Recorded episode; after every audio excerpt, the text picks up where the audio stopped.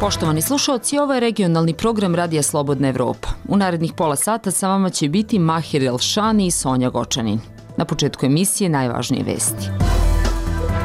Ambasada Ukrajine pozvala Crnu Goru da ne dopušta pravdanje zločina Rusije. Turski investitor uhapšen u Istanbulu gradio i u Crnoj Gori. Državljanin Srbije identifikovan kao lice iza profila Četnički pokret Republike Srpske – Sjedinjene države demantovale tvrdnje Pekinga da su američki baloni leteli iznad Kine. Objavljen izveštaj o zlostavljanju dece u katoličkoj crkvi u Portugalu. U nastavku emisije i ove teme. Oko 140 pripadnika nevećinskih zajednica je apliciralo na konkursu Policije Kosova za prijem novih radnika u direkciji za region Sever – Šta o popunjavanju radnih mesta u policiji misli Ivana Jovan, meštan iz Severne Mitrovice. Treba, treba, što pre treba da se, da se to normalizuje, jer ovako nećemo moći zato. Mladi, sposobni, ovi stari što su penzioneri, nek idu u penziju. Državljanin Rusije Ilja Zernov podneo je u Beogradu krivičnu prijavu protiv lidera srpske desnice Miše Vacića, tvrdeći da ga je napao dok je pokušavao da na Novom Beogradu prekreči grafit smrt Ukrajini. Prišao mušina u maske Prišao mi je muškarac sa crnom maskom na kojoj je bio lik Putina i udario me po levom uvu. Udaril po levom uhu. Slušate regionalni program Radija Slobodna Evropa. Oko 140 pripadnika nevećinskih zajednica je apliciralo na konkursu Policije Kosova za prijem novih radnika u direkciji za region Sever, od kojih je 136 ispunilo uslove, te će 20. februara biti podvrgnuti pismenom testiranju, potvrdio je za Radio Slobodna Evropa zamenik generalnog direktora policije Dejan Janković. Ipak on nije želeo da precizira da li među onima koji su konkurisali ima i pripadnika srpske zajednice.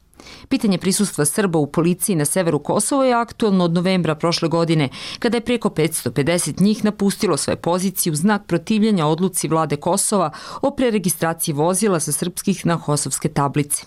Sandra Cvetković. Iako je konkurs za prijem novih radnika pratila kampanja o podizanju svesti o značaju konkursa za prijem novih policajaca, nije prijavljen dovoljan broj koji bi zamenio srpske policajce i za sada se ne zna na koji način će biti popunjeno još preko 400 slobodnih pozicija u direkciji za region Sever putem novih konkursa ili povratkom onih koji su podneli ostavke. U vezi tog pitanja nije stigao odgovor iz Ministarstva unutrašnjih poslova niti vlade Kosova. Direkcija policije Kosova za region Sever ima četiri policijske stanice i tri podstanice koje pokrivaju gradove Severna Mitrovica, Leposavić, Zvečan i Zubin potok te još preko 175 sela na teritoriji ovih četiri opština. Ove policijske stanice trenutno ne funkcionišu u punom kapacitetu jer nema dovoljno kadra niti administrativnog osoblja. Ipak Kosovo je decembra prošle godine rasporedilo jedinice sa juga u opštinama na severu koje privremeno vodi računa o bezbednosti. Radi se uglavnom o policajcima iz redova albanske zajednice čijem se prisustvu protivi lokalno srpsko stanovništvo. Meštani Severne Mitrovice sa kojima je Radio Slobodna Evropa razgovarao su podeljenog mišljenja da li prazna mesta u policiji treba popunjavati na osnovu konkursa ili povratkom onih koji su potneli ostavke. Ivana kaže da jedna zajednica bez policijskog nadzora ne može da bude zdrava, vitalna ili normalna, ali i da ipak treba najpre ponuditi bivšim policajcima da se vrate, pa tek onda raspisivati konkurse za prijem novih. A onda ukoliko oni pokažu nezainteresovanost, treba pozvati neke druge ljude da se prijavi. Sigurno je da ima ljudi kojima je potreban pre svega posao. Oni bi došli tu da rade, zašto ne bi? To je, to je lep posao, nije lak, ali je dobar i um, treba, treba, što pre treba da se, da se to normalizuje jer ovako nećemo moći za to. S druge strane, Jovan kaže da u policiju Kosova treba dovesti nove i mlađe policajce. Mladi, sposobni, ovi stari što su penzioneri, nek idu u penziju. Inače, jedan od uslova na konkursu Policije Kosova je bio da kandidati ne mogu biti stariji od 30 godina. Pripadnici Srpske zajednice na severu su u policiju bili integrisani na osnovu briselskog sporazuma Kosova i Srbije iz 2013. godine i većina njih sada ima više od 30 godina. Dušan Radaković, direktor Centra za zastupanje demokratske kulture iz Severne Mitrovice, smatra da Kosovo treba da omogući povratak srpskih policajaca, ali na osnovu političke odluke. Povraćanje policije mora da bude odluka o amnestiji da sutra država ih ne, ne osuđuje, da su izašli pa se vratili, tako da proces amnestije mora da bude prisutan te policajce koji žele da se vrati. Ministar unutrašnjih poslova Kosova Dželjalj Svečlja je ranije za incidente na severu Kosova okrivio i pojedine bivše srpske policajce. Rekao je da je oko 50% bivših policajaca na severu radilo protiv interesa Kosova. Za radio Slobodna Evropa iz Prištine Sandra Cvetković. Državljanin Srbije inicijala CM je identifikovan kao lice koje sa Facebook profila Četnički pokret Republika Srpska delio fotografije sa uvredljivim tekstualnim sadržajem. To je utvrdila Uprava za borbu protiv terorizma i ekstremizma Ministarstva unutrašnjih poslova Republike Srpske, navodi se u njihovom saopštenju za javnost. Na fotografijama se videlo da se radi o muškarcu koji je bio obučen u vojničku uniformu i koji se deklarisao kao četnik. U Bosni i Hercegovini je tokom 2022. godine osuđeno 10 osoba za krivično delo izazivanje nacionalne, verske i rasne mržnje, a dve su oslobođene optužbe. Slobodna Evropa.org Budite online s radijom Slobodna Evropa. Državljanin Rusije Ilja Zernov podneo je trećem osnovnom tužilaštvu u Beogradu krivičnu prijevu protiv lidera srpske desnice Miše Vacića. Zernov je uveren da je Vacić bio u grupi koja ga je fizički napala dok je pokušavao da na Novom Beogradu prekreči grafit Smrt Ukrajini. Miša Vacić je za Radio Slobodna Evropa negirao da je napao Zernova, tvrdići da ga nije ni sreo. Više u priči Ljudmila Cetković. Ruski državljanin 19-godišnji Ilja Zernov ispričao je novinarima da je napadnut 29. januara dok je pokušavao da prekreči grafit Smrt Ukrajini.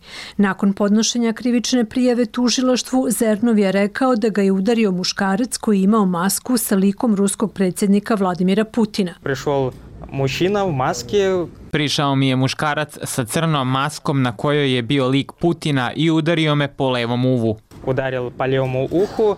On je naveo da mu je od tog udarca probijena bubna opna. Prema njegovim rečima, napadač mu je pretio nožem i metalnim bokserom. Govorit чтобы я извинялся. Taj čovjek je tražio da se izvinim za upropašćen mural. Za isporčeni mural. Zernov je naveo da je maska bila delimično prozirna i da je uveren da je ta osoba bio Miša Vacić. I ja почти уверен, что это он, хотя Prilično sam siguran da je to bio on, iako je maska skrivala njegovo lice. Ali pošto smo dugo pričali i kada je on okrenuo lice, mogao sam videti kroz masku njegov profil. Crte lica su bile veoma slične. Черты лица очень схожи. Ilja Zernov je ruski antiratni aktivista iz Kazanja. U Srbiju je došao u martu 2022. nakon što je Rusija započela agresiju na susednu Ukrajinu. Advokat Čedomir Stojković koji zastupa Zernova rekao je novinarima da su od tužilaštva tražili da se izvrši prepoznavanje. Ukoliko tužilaštvo bude htelo da radi svoj posao, moraće da pozove Mišu Vacića, da ga stavi na način koji je predviđen za prepoznavanje, da pozove Iliju, da ga prepozna. On je objasnio da je krivična prijava podneta zbog nekoliko krivičnih dela, uključujući izazivanje teške telesne povrede i izazivanje nacionalne, rasne i verske mržnje i netrpeljivosti. Doživeli smo da se u Srbiji, Srbi u Srbiji tuku Ruse koji su pobegli od režima Vladimira Putina. Lider van parlamentarne srpske desnice Miša Vacić rekao je za RS da se ništa od toga nikada nije desilo. Nemam da objašnjavam ništa konkretno, jer ceo događaj je iskonstruisan. Ja ne da ga nisam napao, ja ga nikad nisam vidio. Rekao je Vacić upitan za komentar povodom podnošenja krivične prijeve. Miša Vacić, lider srpske desnice, inače ne krije podršku Rusiji. Tokom 2021. organizovao je oslikavanje murala ruske paravojne formacije Wagner. Danas a, mi je još draže što sam bio inicijator a, oslikavanja istog iz razloga što se a, grupa Wagner nalazi na faktički doslovno prvoj liniji fronta oslobođenja gradova od nacizma u Ukrajini rekao je Vacić za RS u julu 2022. Grupa Wagner je pod sankcijama Evropske unije i Sjedinjenih država zbog kršenja ljudskih prava. Zapadne vlade optužuju Moskvu da ih koristi u sukobima na Bliskom istoku i Africi i od 2014. u Ukrajini. Vasić je takođe kao međunarodni posmatrač pratio referendum za prisjedinjenje Rusiji koji je u septembru 2022. sproveden u ocepljenim i okupiranim ukrajinskim regionima Donjecka.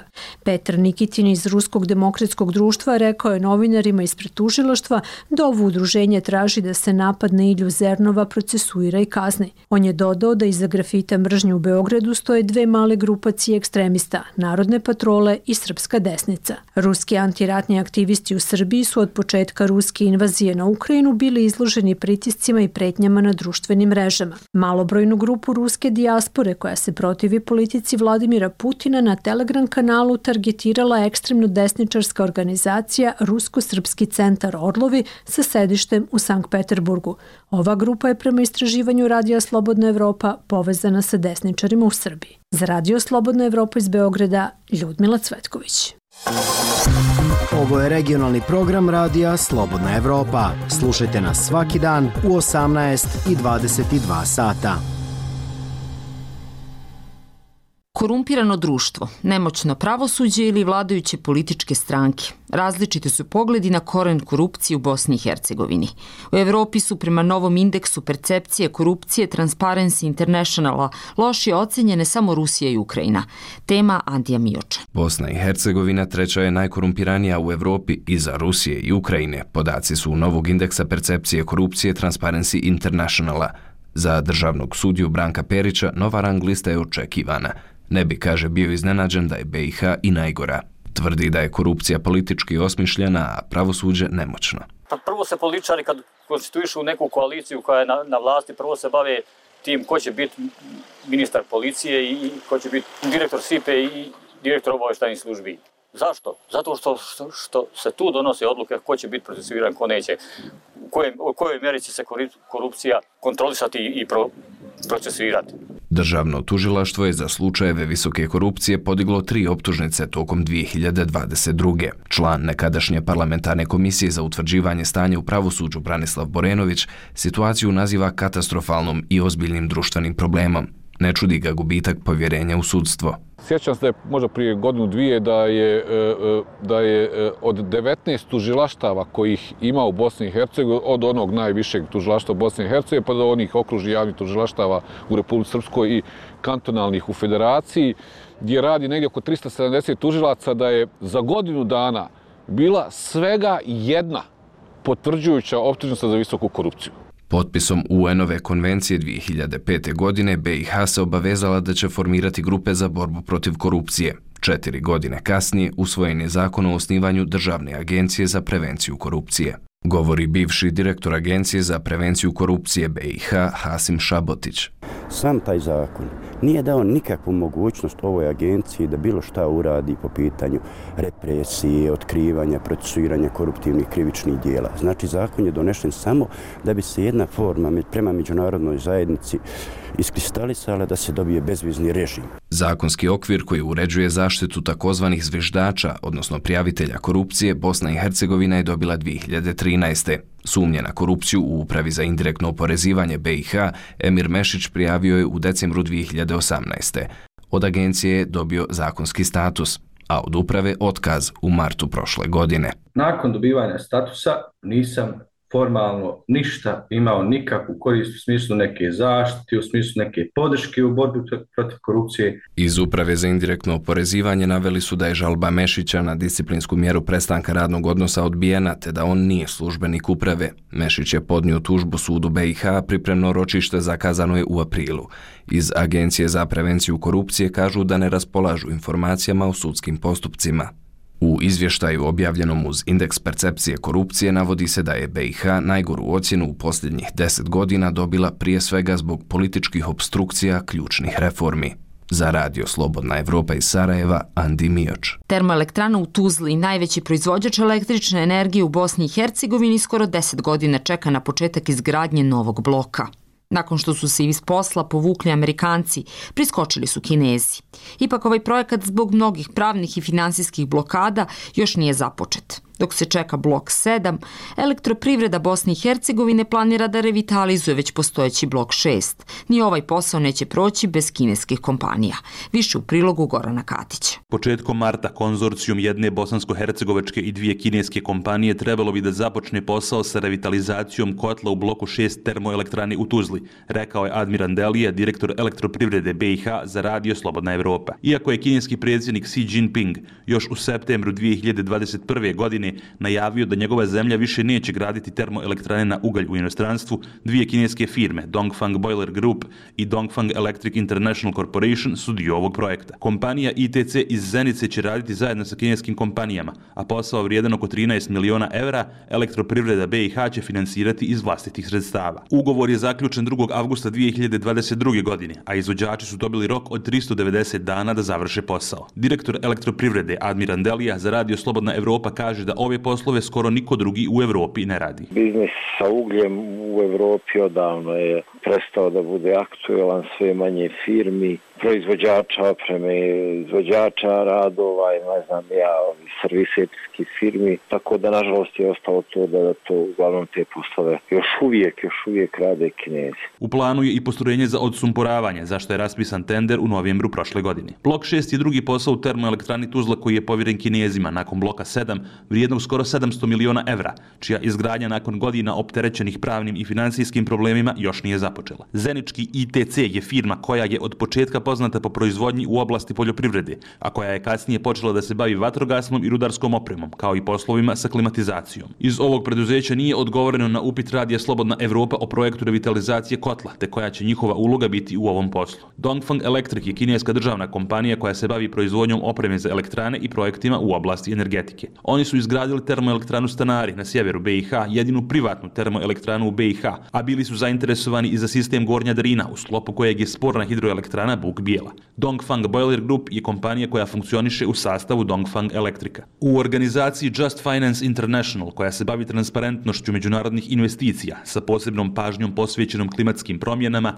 u pisanom odgovoru za radio Slobodna Evropa tvrde da uprkos obećanjima kineskih lidera, još nisu vidjeli da Kinezi aktivno završavaju planirane projekte vezane za ugalj na Zapadnom Balkanu. Ekolozi smatraju da je revitalizacija trebala biti urađena prije nekoliko godina, kao i proces odsumporavanja. Denis Žiško, koordinator programa Energija i klimatske promjene u Arhus centru u BiH, izjavio je za radio Slobodna Evropa da se tokom rada obnovljenog bloka termoelektrane treba ozbiljno posvetiti obnovljivim izvorima. Treba iskoristiti 10-15 godina da se izgrade obnovljivi potencijali, odnosno kapacitete obnovljivim izvorima koji će u konačnici zamijeniti te termoelektrane koji će biti ugašeni. Trebalo se u tu revitalizaciju krenuti još prije pet godina, posebno u postrojenju, u gradnju postrojenja za osumporavanje gdje bi se smanjilo ovaj, emisije sumpodioksida u stvari svele na granice koje su propisane direktivama. To treba uraditi i u termoelektrani Kakaj. Kineske kompanije su već godinama među najvažnijim partnerima za BiH kada su u pitanju termoelektrane. Ipak jedini projekat koji je pušten u rad je termoelektrana u Stanarima iz 2016. godine. Projekti vrijedni stotine miliona evra, kao što su blok 7 u Tuzli, termoelektrana Gacko 2, kao i sasvim nove termoelektrane u Sanskom mostu i Banovi Mitrovićima zbog raznih problema još nisu započeti. Za Radio Slobodna Evropa iz Banja Luke, Goran Katić. Ukrajinska ambasada u Podgorici pozvala je da se ne dopuštaju provokacije sa ciljem pravdanja ruskih zločina. Poziv ambasade Ukrajine u Crnoj Gori je usledio nakon što su crnogorska policija i tužilaštvo u Podgorici ocenili da nema krivičnog dela u isticanju simbola kojima se pruža podrška Rusiji u agresiji nad Ukrajinom. Neprijavljeni skup je održan 12. februara u centru Podgorice, gde je bila istaknuta zastava sa slovom Z, koja simbolizuje agresiju Rusije na Ukrajinu, te raširena zastava takozvane Donjetske republike. Nakon što je Rusija izvršila vojnu invaziju na Ukrajinu 24. februara prošle godine, u Podgorici je održano par skupova kojima je podržana ruska agresija. Višespratnica u Budvi koju je gradio uhapšeni turski državljanin Mehmed Jašar Đoškun sagrađena je u skladu sa crnogorskim zakonima, pravilnicima i uz poštovanje pravila struke. Rekla je za Radio Slobodna Evropa inženjerka koja je vršila nadzor na objektu Aleksandra Vučković-Otašević. Zgrada se nalazi na litici iznad Budve, na oštroj krivini magistralnog puta Cetinje-Budva. Đoškun je uhapšen 10. februara na aerodromu u Istanbulu po nalogu tužilaštva koje ga dovodi u vezu sa u zemljotres u Turskoj potpuno srušenom stambenom zgradom u Hataju, javila je turska agencija Anadolija. Kako je prenela agencija, Đoškun je uhapšen na putu za Crnu Goru. U kompaniji Antis Montenegro, koja je gradila zgradu, 5% vlasništva ima Mehmet Jašar Đoškun, dok njegov brat Husein ima 95% vlasništva.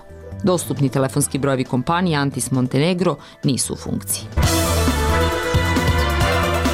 Slobodna Evropa.org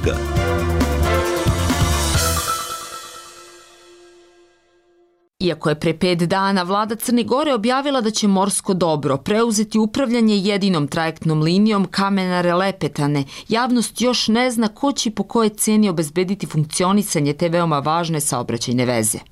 Opcije morskog dobra su kupovina ili zakup trajekata, pa ukoliko ne postignu dogovor sa sadašnjim operaterom, kompanijom Pomorski saobraćaj da nastave posao, u prelaznom periodu može se desiti da saobraćaj duž Boke Kotorske bude usporen i otežan, jer procedure mogu trajati mesecima a sve mu je prethodila tvrdnja premijera Drita Nabazovića da je više milionski vredan posao zakupu trajektne linije sklopljen nezakonito, što iz pomorskog saobraćaja negiraju i kažu da imaju ugovor koji traje do okončanja tendera za dodelu koncesije.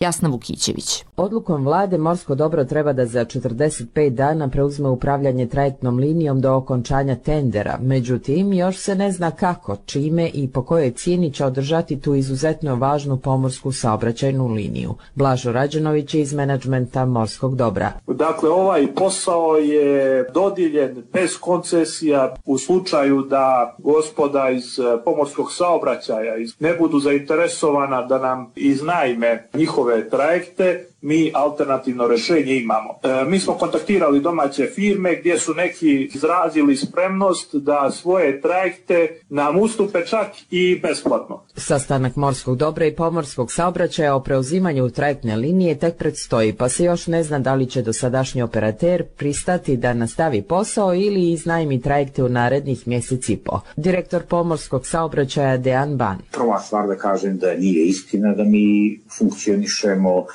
neovlašćeno ili mimo zakona. Imamo ugovor, taj ugovorni odnos je validan. Ovo sada što radi premijer, on vrši jedno određeno nasilje na pravnim licima i šalje faktički svakom investitoru poruku da sve ono što ima potpisano, u stvari ako on odluči to ne važi. Shvatila sam iz vaših odgovora da niste voljni da nastavite da održavate ovu trajektnu liniju u prelaznom periodu do kada treba da je preuzme morsko dobro. Premijer je to najavio da je to džentlmenski ustupak prema nama. Ako je to tako, a nije kupovanje vremena, na što mene naravno liči da jeste, ali ako je to tako, onda ja apelujem da se taj vremenski period skrati, da već koliko je u ponedeljak se proba izvršiti primopredaja, naravno prvenstveno prethodno da iskaže se formalno odnos morskog dobra prema ovom ugovornom odnosu. A koje se brojke vrte oko ovog posla? Rađenović kaže da je godišnji prihod od trajektne linije 8 do 9 miliona eura, od čega je morskom dobru lani plaćeno nešto više od 200.000. On tvrdi da će preuzimanjem trajektne linije to preduzeće značajno povećati sopstveni prihod. Možda bi se moglo usuditi reći i poduplati prihode, dakle naš prihod je godišnji oko 8 miliona. S druge strane, iz pomorskog saobraćaja saopštavaju da država ima i druge benefite od njihovog posla, te da je samo po osnovu PDV-a, poreza na dobit i doprinose za prošlu godinu inkasirano preko 2 miliona eura. U poslednje četiri godine je za to državi plaćeno između 6 i 7 miliona eura, naveli su iz pomorskog saobraćaja. Direktor Dean Ban. Ovdje nije poenta da bude država da uzima milion, jer ako država uzima milion, onda će karta da bude 20 eura. Nema toga kapitala koji neće tražiti fair prinos na angažovani kapital. Građani koje smo anketirali su skeptični da će preuzimanje trajektne linije od strane morskog dobra proći bez problema po saobraćaj duž zaliva Boke Kotorske. Ljudi kad dođu sa strane pa ako čekaju u kolonama po 2-3 sata ili ljudi koji gravitiraju put aerodroma pa nikad ne znaju za koliko vremena mogu da stignu pa dešava se i da zakasne na, na, na avion ili tako dalje. Tako ne mislim da može da se stigne do sezone, pa u svakom slučaju mislimo da će morati jedan dio da se vozi zalivom. A što ako tako dočekamo sezonu? Moramo trpjeti ono što nas nađe, nemamo drugog izbora, ne možemo, nemamo prijela da proletimo. Za radio Slobodna Evropa iz Budve, Jasna Vukićević. Sjedinjene američke države demantovali su tvrdnje Kine da su američki baloni na velikim visinama leteli iznad njenog vazdušnog prostora bez dozvole više od 10 puta od početka 2022. godine. Ranije je port parol za nacionalnu bezbednost John Kirby rekao u televizijskom intervju to apsolutno nije tačno, ne letimo balonima iznad Kine.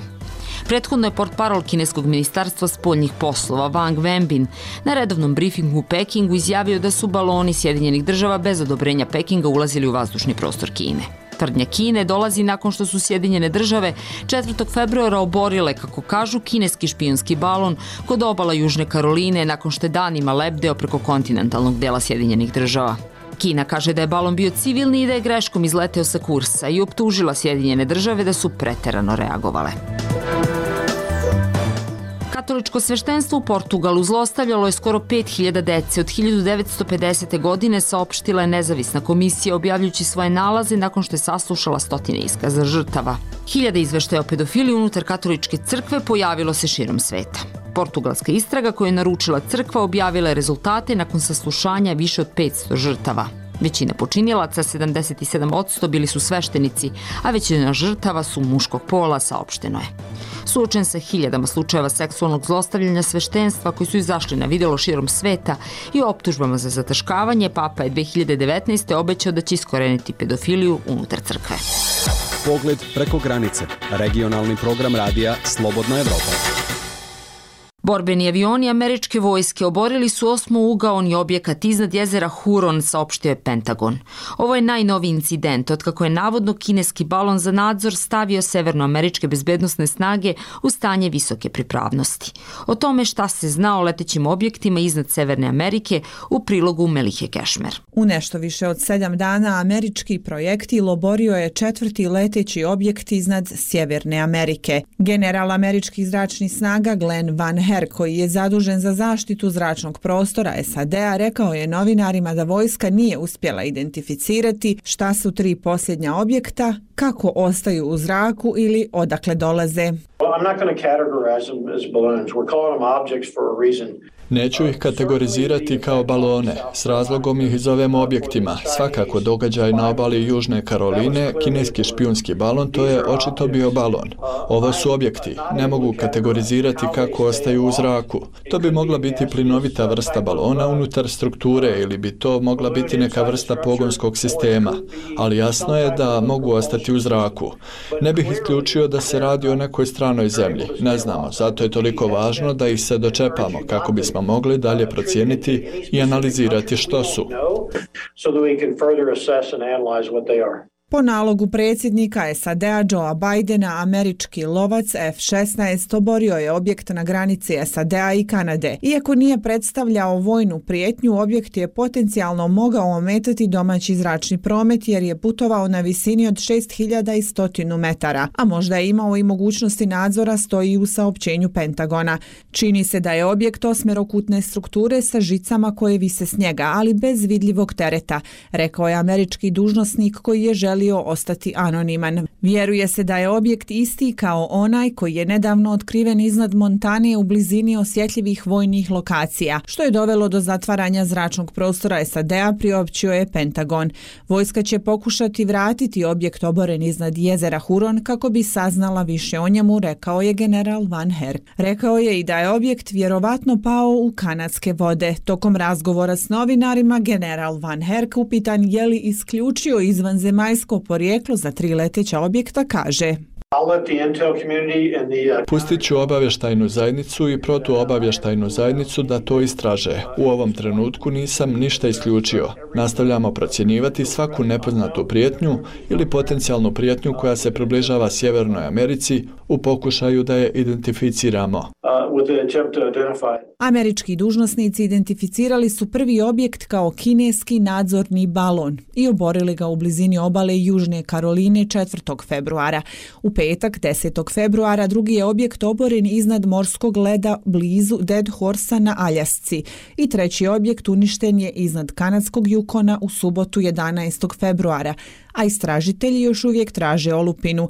Kina negira da je prvi balon korišten za nadzor i kaže da je to bila civilna istraživačka letjelica. Republikanci su kritizirali Bidenovu administraciju zbog postupanja s upadom navodno kineskog špijunskog balona, rekavši da ga je trebalo srušiti mnogo ranije.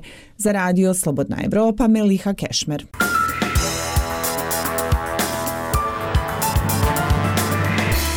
Bilo je to sve u ovom izdanju regionalnog programa. Sve naše sadržaje možete naći na web stranici slobodnaevropa.org, dok podcaste za vir ispod površine glasom mladih između redova, osim na web sajtu, potražite i na Facebooku i Twitteru, kao i na Spotifyu, Google podcastima i iTunesu. U prethodnih pola sata sa vama su bili Mahir Elšani i Sonja Gočanin.